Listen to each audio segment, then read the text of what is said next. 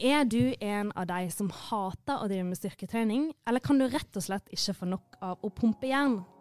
Og hvilke myter er egentlig sanne? Må du varme opp? Og hva gjør du når treninga stagnerer? Velkommen til Spekpodden, en podkast om trening, kosthold og helse. Jeg heter Malene Indebø Langlo og er journalist i Bergens Tidende. Og med meg i studio har jeg Daniel Rød Johansen, jeg jobber på Sporten i Aftenposten. Dagens gjest er osteopat og personlig trener og online coach Sigvard Gafoss. Velkommen skal du være. Tusen hjertelig takk. Veldig hyggelig å være her. Veldig kjekt å ha en eh, vestlending i studio for første gang. eh, først så må du fortelle litt om din vei inn i styrketrening. Kort sagt så har jeg spilt fotball i alle år. Eh, endte med å legge fotballskoene på hyllen, og hadde begynt å trene litt styrke ved siden av fotballen. Ja. Hvor gammel Så- var du da? da? Da, var jeg, da jeg sluttet med fotball, så var jeg 19. Mm. Eh, og da var det ganske naturlig å bare fortsette med å trene mer styrke. Og så ble jeg nok litt mer bitt av basillen enn de aller fleste. Og så har jeg trent veldig mye styrke de siste ti årene. Ja, for du, for du har drevet med litt annen type styrketrening enn kanskje folk flest. Hva er det du har holdt på med? Jeg eh, har jo da både stilt i natural bodybuilding og i styrkeløft. Der bodybuilding går ut på basically å bygge så mye muskelmasse som mulig, og styrkeløft går ut på å løfte så mye kilo som mulig i øvelsene knebøy, benkpress og markløft. Mm. Så en ganske sterk type vi har med oss. Absolutt. Alt er relativt. Eh, du har sikkert enormt mange gode grunner til å trene styrke, eh, og du trenger ikke ramse opp alle nå. Men kan du si litt om hvorfor det er viktig med styrketrening? Altså Først og fremst er det jo fantastisk at det er så mange positive helseeffekter av å trene generelt. Og veldig mange av disse positive helseeffektene de får vi jo både av styrketrening og av kondisjonstrening. Men det som er litt eget, og spesielt for styrketreningen i forhold til kondisjonstrening, da, det er jo det at man øker muskelmassen, eh, man øker styrken, og man reduserer òg risikoen for f.eks. beinskjørhet ved at man da får økt bentetthet ved å trene styrke. Så kanskje spesielt eh, eldre bør trene styrketrening, da? Det er overhodet ikke dumt. Eh, og det er en ting som er lurt å ha i bakhodet som litt yngre. Det er jo det at grunnlaget du legger nå, det vil du jo ha med deg. Eh, Idet du bygger muskelmasse, så vil du øke cellekjernene i muskulaturen. Mm. Og de cellekjernene vil egentlig aldri forsvinne. Så det er det som liksom skaper dette muskelminnet, som sikkert mange har hørt om. Hvis du tidligere har trent og la oss si vært ganske sterk og hatt ganske mye muskelmasse, og så ikke trent en, en lang periode da, og så Mm. begynner å trene igjen, så vil du få ganske mm, god framgang ganske fort. Rett og slett fordi at denne muskelmassen har vært der før, og det er det vi rett og slett kaller for da muskelminne. Som en investering i fremtiden din, da, egentlig. Det er det styrketrening er. Egentlig, for det at når du da um, blir gammel, og man ser f.eks. at du har økt risiko for uh, fall, Mm. og funksjonen går ned, man er rett og slett dårligere til å bøye seg og gå, plukke opp ting, reise seg osv., så, videre, Mm. så ser man jo det da at uh, folk med høyere styrke og høyere muskelmasse klarer seg veldig mye bedre på disse parametrene når de blir eldre.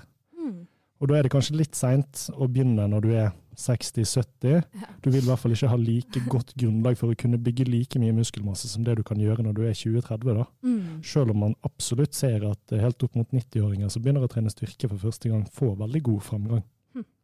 Men du, styrketrening, det er jo et veldig bredt eh, begrep. Altså, hva er egentlig styrketrening? Man, I dag så har man alt fra gruppetimer, man trener heat, tabata, det er crossfit, apparat og styrkeløft. Hva, hva er styrketrening? Hvis du skal si det enkelt, så liksom noe som kroppen da må motvirke av ytre motstand. Der, der musklene rett og slett må jobbe mot noe. Ja. Ja, og det kan jo da være i form av at du bruker vekter, du kan bruke egen kroppsvekt, du kan bruke strikk. Det finnes veldig mange på en måte former for styrketrening. Altså På engelsk heter det jo resistance training, Mm. eller liksom motstandstrening. Mm. Omgjøre å ha en motstand der som muskulaturen da må jobbe mot. Så all trening som der man kjenner at man må ta i bitte litt, da. Og For noen så handler det om store muskler, for andre handler det om å bli så sterk som mulig. For noen er det også en kombinasjon, men hva, er det en motsetning mellom de to tingene? Jeg vil si at det er det overhodet ikke. Eh, muskelstyrke og muskeltverrsnitt, altså størrelsen på muskulaturen din, er veldig godt korrelert. Så man ser det at eh, etter hvert som man i hvert fall begynner å bli litt bedre trent, så ser man det at den største korrelerende faktoren for hvor sterk du blir, det er hvor mye muskelmasse du har. Mm. Så det er, ikke, det, er, det er en myte det der med, med veldig, veldig store gutter som ikke er sterke? Ja, og det er nok eh, en myte som bunner i at eh, dessverre har vært eh, mye ja, hva skal man si, propaganda med steroidbruk osv. Så, videre. så man ser jo det at hvis du tar steroider f.eks., så kan du sitte stille og få mer muskelmasse enn en som trener alt han kan og ikke tar steroider. Mm. Så da kan du basically bli veldig stor uten å bli så veldig sterk nødvendigvis. Men du, det, både du og Daniel dere trener jo styrke. Og så har eh, eh du meg, som jeg vil tro er en, jeg representerer en del av befolkningen. Mm. Jeg er veldig glad i å trene, men hater å trene styrketrening.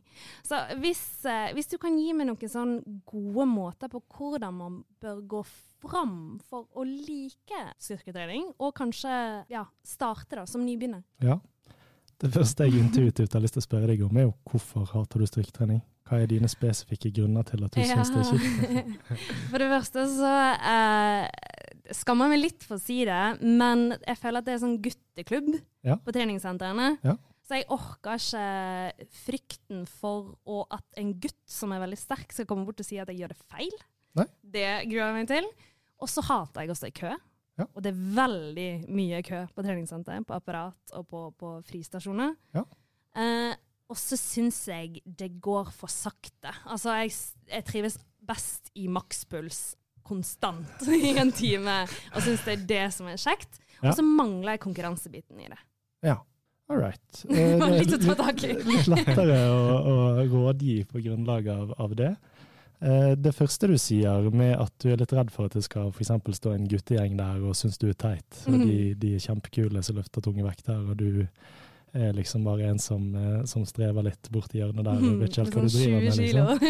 ja, det er jo fort gjort å tenke det, men samtidig så jeg tror jeg har til gode å møte en oppegående mann som syns at det er teit at jenter trener styrke i min vennekrets og min sosiale omgangskrets, i hvert fall, så uh, syns i hvert fall de aller, aller, aller fleste guttene jeg kjenner Jeg kan ikke komme på noen som ikke syns det.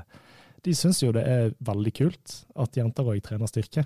Og veldig mange er faktisk behjelpelig og stiller seg til disposisjon på å se på teknikk og komme mm. med tips osv. Jeg syns egentlig bare det er et stort kompliment til de, hvis du spør de f.eks., hvis du er usikker på teknikken din i knebøy fordi mm. du trener det ved siden av en annen fyr som trener knebøy, og så ser ja, du han har på mye vekter og er sterk og sånn. Hvis du da gir han et kompliment og sier ja, du ser du er skikkelig sterk i knebøy, jeg har ikke så god peiling, Nei. kunne du ha sett litt på teknikken min? Mm. Så vil jo han bare rødme og smile. og Bratt var vi på en sjakk arena. ja. Da ble det plutselig litt uh, ja, vending av, av den situasjonen. Så um, jeg tror, du, jeg tror, det er mange som har en frykt der som er ganske uberettiget. Mm. Og selvfølgelig, det fins jo altså, Beklager å si det, men det, det fins jo drittmennesker overalt. Liksom. Mm. Uh, og ja, du finner nok noen på et treningssenter her og der òg. Som himler med en uh, Ja, og som tror de er litt kulere enn alle andre osv. Mm. Men så gjelder det jo å tenke da at det, problemet ligger jo ikke hos deg. Det er jo tross alt deres problem. Det er jo mm. de som er teite, ikke du. Mm. Så hvorfor skal det gå utover deg at de er teite? Ja, det er veldig godt. Uh, og det neste du sier, det er at du må stå i kø. Uh, for det første så går det jo an å finne seg i et treningssenter der det ikke er så mye trøkk. Mm. Jeg trener sjøl på et treningssenter med nesten 9000 medlemmer, og kommer du der liksom mellom 9 og 7, nei 4 og 7, ja så eh, er det mye folk, og det er mye kø, og man kommer opp i en del situasjoner som folk sikkert syns er litt ubehagelige. Men liksom 'Jeg brukte den, og da tok ja. du den'. Og, og det, ja, mm. jeg skjønner jo at det er litt uh, kjedelig. Uh, samtidig så må jo folk være litt flinkere til å dele på utstyret. Mm. Kommer det noen og spør meg og sier 'holder du på her', så sier jeg ja, men du kan godt kjøre mellom hvis du vil. Mm. Eh, og da er det jo noen som sier ja, det gjør jeg, og andre de bare snur og går. Ja. så, men eh, det går jo an å trene på tidspunkt der det ikke er like mange folk. Mm. og Det går an å finne seg et senter der det ikke er like mange medlemmer. Mm. Og så går det òg an å være litt kreativ med treningsprogrammeringen sin. Eh, sånn som for min del, da, som trener på dette senteret. Mm. Så jeg gjør jo ofte to-tre øvelser etter hverandre eh, for at det skal bli litt mer effektivt, Mm. istedenfor å kjøre knebøy og så ta fem minutter pauser og gjøre fem serier som tar 25 minutter. Mm. Så tar jeg f.eks. da kroppshev og benkpress imellom. Imellom, ja. Mm. Sånn at i liksom pausen min i knebøy, så kan jeg gjøre benkpress. da. Og i Mm. pausen mellom der igjen, så kan jeg gjøre kroppshev. Mm. Eh, og da har jeg på en måte fått gjort tre øvelser i løpet av den pausen på fem minutter som jeg skulle hatt i knebøy eh, allikevel. Mm. Og da kan du være litt kreativ med programmeringen din, hvordan du setter opp selve treningsprogrammet. Mm. Eh, for der kan du jo da f.eks. La oss si at du skal trene knebøy, eh, og så istedenfor å trene skulderpress med stang, da, så kanskje du kan trene skulderpress med manualer. Så yeah. kanskje du kan gå og hente et par manualer Mm. fra manualracket, ta det med deg bort til knebøyracket, og så har du det rett ved siden av. Mm. Eh, og så er det kanskje allerede et kinnstativ i det knebøyracket, så kan du gjøre de tre øvelsene, da. Eh, og så slipper du egentlig å stå i kø på noen ting som helst. Og så løser du det andre problemet med at jeg helst vil ha høy puls hele tida. Ja. Og da kan jeg bare gå rett over på neste øvelse. ja, det kan du si, men det er ikke nødvendigvis så fordelaktig. Nei. Så man ser det at eh, Nå setter jeg det veldig på spissen, da, men når det kommer til styrketrening, så er nesten jo lengre pauser, jo bedre. Og selvfølgelig, man skal jo hjem en gang òg, så man må jo liksom sette et cutoff point et eller annet sted. Mm. Men eh, man ser det at, eh, for å ta et enkelt eksempel, da. Så hvis du gjør et sett med knebøy, la oss si at du tar ti krevende repetisjoner, Mm. eh, og så får du ett minutt pause, og så skal du ta så mange repetisjoner du klarer, en gang til. Og så kan du sammenligne det med at du fikk fem minutter pause, Mm. og så skal du da ta så mange repetisjoner som du klarer, Mm. i en serie til. Eh, Så, så vil jo de aller fleste intuitivt tenke at ja, med fem minutter pause så vil jeg klare flere repetisjoner enn det jeg klarer med ett minutt pause. Mm. Og det er jo fordi man fortsatt er sliten fra det settet. Eh, pulsen må gjerne komme litt ned, og nervesystemet bruker litt tid på å på en måte lade seg opp igjen. Mm. Så um, der ser man jo det at da flere repetisjoner utført i løpet av en styrketreningsøkt vil jo Mm. si at du utfører mer arbeid. Mm. Eh, og sånn så for muskelvekst over tid, så er det viktigste totalt arbeid utført i en gitt tidsperiode. Da. Så hvis det ender med at du da klarer å gjøre mer arbeid i løpet av en treningsøkt fordi du har lengre pauser, så har du jo basically trent bedre, trent mer. Mm. Men la oss si at du har klart å overbevise meg nå, da. Ja. Det har jeg. det har han. Hvis, hvis, eh, hvis jeg skulle begynt nå eh, på mandag, så eh, hva konkrete eh, øvelser er det jeg bør eh, konsentrere meg om? Hvis du kan gi meg da fem øvelser. Ja, hvis vi skal gjøre det veldig generelt, holdt jeg på å si, eh, at eh, du skal få mest mulig igjen for de fem øvelsene da, som du gjør der. Det finnes jo i prinsippet ikke noe fasit her.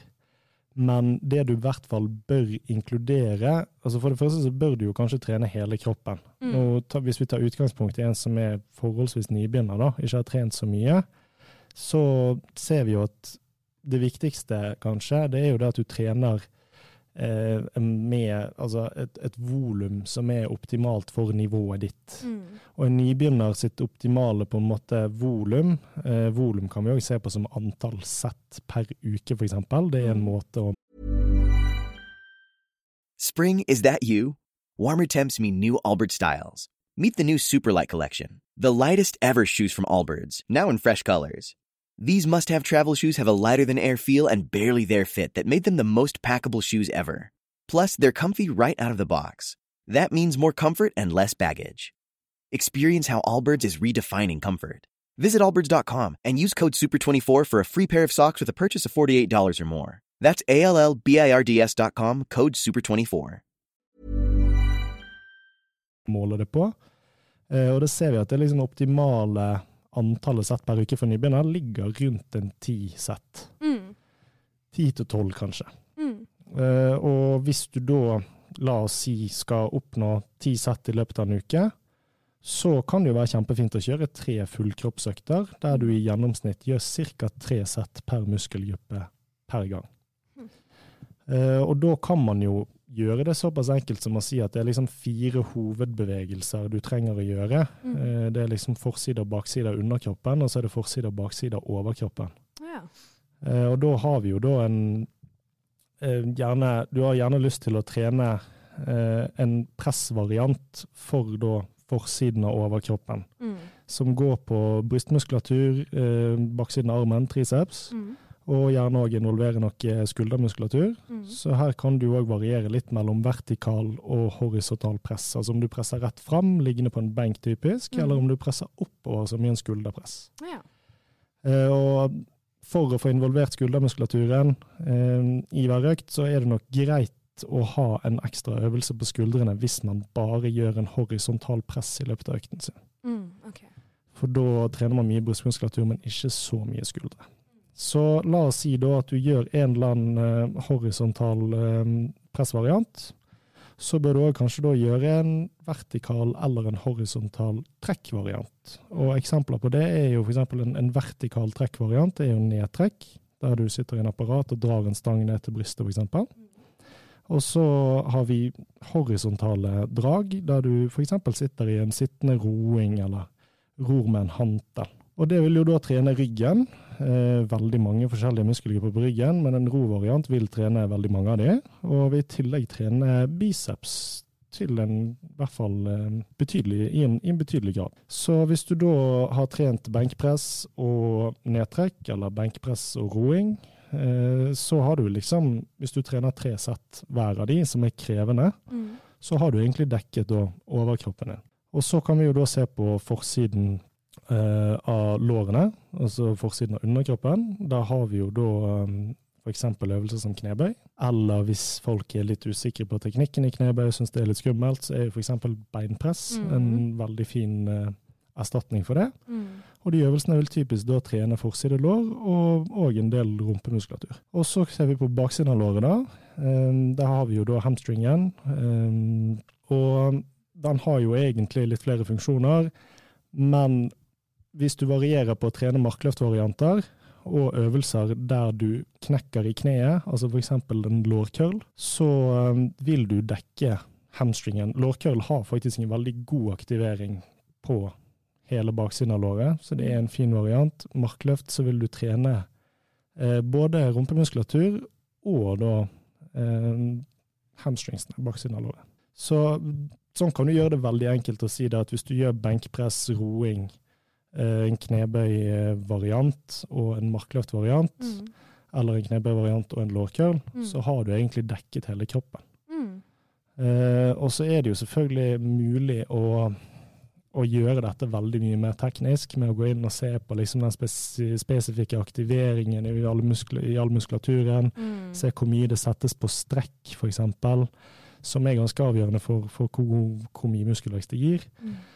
Mm. Men Det blir veldig komplisert igjen, og det er kanskje mer sånn som jeg jobber med med kunder når de kommer til meg og, og ber om hjelp. Det er ikke der vi starter første. Det er, ikke der, det er ikke der vi begynner. Så hvis du er helt uh, fersk og skal på et treningssenter, Så er det, så er det et veldig godt utgangspunkt. Mm. Uh, trene da en pressvariant der du kanskje varierer litt på horisontal og vertikal press. En en ro- eller nedtrekksvariant, altså horisontal eller vertikalt drag.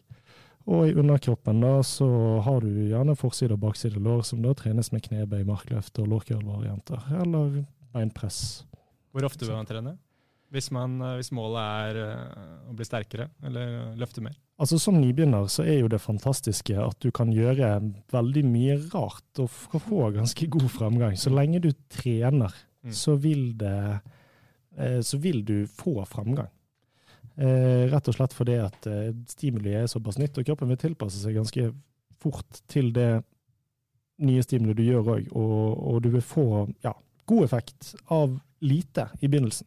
Mm. Så jeg sier jo ofte at alt er bedre enn ingenting. Mm. Så det å gjøre én styrkeøkt i uken vil jo på ingen måte si at f.eks. er waste of time, som jeg har hørt folk si. At liksom, nei, men da er ikke det vits. Mm. Det er jo absolutt vits. Eh, Du vil få veldig mange positive fordeler av det òg. Men hvis du vil ha god framgang, eller optimal framgang som nybegynner, så Mm. bør du nok trene en to til tre ganger per uke minimum. Og så finnes det jo forskjellige måter å sette sammen en treningsprogram på, med tanke på om du skal trene full kropp hver økt, eller om du skal dele opp kroppen osv. Men hvis du har lyst til å komme unna med å gjøre minst mulig for mest mulig resultat, Mm. så ville jeg ha trent tre styrkeøkter i uken, og trent ca. tre til fire sett per muskelgruppe hver gang. Mm. Sånn at du endte opp på en ti til tolv sett i løpet av uken totalt. Eh, bygger all styrketrening muskler? Nei, det tør jeg ikke å si at det ikke gjør. Eh, og det, det, kommer selvfølgelig an på hva nivå du er på osv. Og, så og i starten, når du er helt nybegynner, så vil jeg si at det aller meste av styrketrening, som ikke er helt tullete, hvert fall tradisjonell styrketrening, eh, der du følger noen retningslinjer som typisk kommer i et sånt treningsprogram eller i forbindelse med at du skal begynne å trene, så vil du få god framgang. Men en ting som er ganske essensielt, i hvert fall etter litt tid, det er jo det at du faktisk pusher deg. Mm. For det fins veldig mange Jeg har fått um, ganske mange kunder som liksom Så skal jeg prøve å kartlegge da hvor, hvor, hvor avanserte de er. Liksom. Mm. Hva nivå er du på? Mm. Uh, og så er de sånn Nei, nei, jeg, jeg, er godt trent, liksom. Og jeg har trent styrke i Jeg hadde en kunde her som hadde trent styrke i 20 år. Ja. Uh, og så er det sånn Oi, ja, hva tar du i knebøy? Hva tar du i benkpress? Mm. Hvor sterk er du i markløft? Så litt sånn Nei. For det første så har de kanskje ikke trent de øvelsene. Mm. Og for det andre så har de da gått på treningssenteret, tatt tre ganger ti repetisjoner på mm. akkurat de samme apparatene i 20 år. Ja. Og da er det litt sånn OK, det er kanskje tungt den første, andre, tredje, fjerde uken. Ja. Så vil det være sånn at ah, du må ta i litt. Mm. Og så vil du jo få disse adaptasjonene som, som, skjer i kroppen, og at du blir sterkere og får lagt på deg mer muskelmasse. Og da kreves det jo at du øker motstanden for at du da skal få videre adaptasjon. Altså du må gjøre noe som heter å progressivt overbelaste. Og hvis ikke du følger det på en måte prinsippet om at du har progressive overbelastning, altså at du øker enten antall repetisjoner mm. eller f.eks. vekten Eh, eller antallet sett du gjør per uke. Altså det er mange måter å ha progresjon på, men den definitivt letteste er jo å øke vekten eller øke antallet reps du gjør per uke. Og hvis du ikke da pusher deg til at det skjer, mm. så vil sannsynligvis da den styrketreningen du gjør, ikke ha så mye effekt etter en stund, fordi at du, du presenterer ikke noe nytt stimulus som kroppen må adaptere seg til. Mm. Så etter en viss tid så holder det ikke bare å møte opp lenger? Nei, det gjør det ikke. Og der er det jo typisk at jo mer avansert du blir, jo mer krever det, og jo mer koster det å, å få framgang. Mm. Mm. mm. Så det handler egentlig alltid om at musklene skal bli slitne, da, hvis vi skal koke det helt, helt ned. En, man ser jo da at det er en veldig god korrelasjon mellom da effektive repetisjoner og hastigheten på repetisjonen. Okay. Så hvis du da ligger i en beinpress og presser i vei for harde livet, og så la oss si at du klarer akkurat tolv repetisjoner, da, mm. så er det, det er vanvittig krevende. Du må virkelig ta deg sammen og, og gi det du har, for, for, å klare å pushe deg til at du la oss si ikke hadde klart 13. da. Men hvis du da tar de tolv repetisjonene, så ser man det at hvis du hadde stoppet f.eks. på fem eller seks repetisjoner, sånn at du hadde liksom seks til syv repetisjoner igjen i tanken, så vil sannsynligvis ikke det stimulere til noe særlig muskelvekst i det hele tatt. Mens det er de repetisjonene som skjer nærmere slutten, der du fysisk merker at vektene begynner å mm. gå saktere, mm det er på en måte der the magic happens. Ja. Så hvis du trener styrke og gjør øvelser, og du merker at liksom bevegelsen har akkurat samme hastighet hele tiden La oss si du, du kan filme deg sjøl og mm. se på det, og så ser du liksom bare hastigheten er den samme på mm. den første og den siste repetisjonen. Så er det lett, rett og slett. Da er det et godt tegn på at du ikke pusher deg nok, ja. eller at vekten da er for lav. Mm. mm. Skal man alltid pushe? Eller med tanke på skader? Eh, ja, det er jo et veldig godt spørsmål. og det, I mange tilfeller så er det jo selvfølgelig lurt å, å, lytte til kroppen. Hvis du går på trening og kjenner du har litt vondt i et kne og du skal gjøre knebøy, så bør du kanskje prøve å finne en annen øvelse som ikke gjør så vondt, eller droppe det den dagen. Mm. Så det er jo ikke alltid det er lurt å, å, å klikke helt og gjøre, gi alt du har. Mm. Eh, for man ser jo òg selvfølgelig at det finnes folk i andre delen av skalaen som bare aldri Litt sånn som Malene gjør på Tabata-øktene sine. og, og det, hvis, men hvis Malene har syv sånne økter i uka, da, hvis hun hadde hatt det, da hadde det vel ikke vært så bra? Nei, det kan nok hende da at hun ville hatt problemer med å restituere seg mellom disse øktene. Det har jeg. Ja. To dager etterpå. det er virkelig. Ja. Det er det aller siste eh, spørsmålet det er Kan man bygge muskler og gå ned i vekt samtidig? Ja, det kan man så absolutt. Og dette er en ganske seiglevd myte, mm. eh, der folk da tror at det er 100% nødvendig med et kalorioverskudd for å klare å bygge muskelmasse i det hele tatt. Basert på den logikken om at ja, men vi skal bygge muskelmasse, den energien må komme fra et sted, Ja. den skal legges på kroppen. Skal og må ha maten, på en måte. Ja, derfor må vi ligge i pluss. Mm. Men man ser jo det da at eh, selv om man ligger i et kraftig kaloriunderskudd, så vil kroppen fortsatt klare å bygge muskelmasse. Og her er det viktig å skyte inn at dette gjelder jo spesielt for nybegynnere. Mm. For der er muskelmassen så lav i utgangspunktet, og man har liksom ikke begynt å bevege seg mot det man har kapasitet til i det hele tatt. At i starten når du trener styrke, er jo da du vil få best framgang og vil ha potensial til å kunne legge på deg mest mulig muskelmasse. Så um, det er jo liksom eh, litt derfor òg man ser at sånne studier på nybegynnere som ligger i et stort kaloriunderskudd og legger på seg muskelmasse, er jo fordi at det er på en måte et så nytt stimuli for dem, Mm. og at eh, de første kiloene med muskelmasse kommer ganske fort. Mm. Men det er absolutt mulig, og um, jo mer avansert man blir, altså jo sterkere man blir, og jo mer muskelmasse man har, jo vanskeligere vil det bli. Så på et eller annet tidspunkt så, så må man faktisk eh, spise mer for å klare å gå opp i muskelmasse. På et eller annet tidspunkt så bør du gjøre det. Eh, det vil ikke si at du ikke kan, altså du kan ligge i kaloribalanse og Mm. sakte, men sikkert bygge muskelmasse på et avansert nivå, Mm. men det vil være mer fordelaktig å syklere det i perioder med kalorioverskudd, Mm. og så heller ha en periode med underskudd for å på en måte ta vekk en del av fettet igjen. Mm. Ja, jeg veit vet ikke med deg, Daniel, men jeg ble i hvert fall eh, Fikk i hvert fall noen ekstra gode grunner til å, å, bli flinkere på styrketrening. Jeg vil si tusen takk til deg, Sigva. Det var veldig kjekt å ha deg her. Tusen takk for at dere inviterte meg. Veldig hyggelig å være her.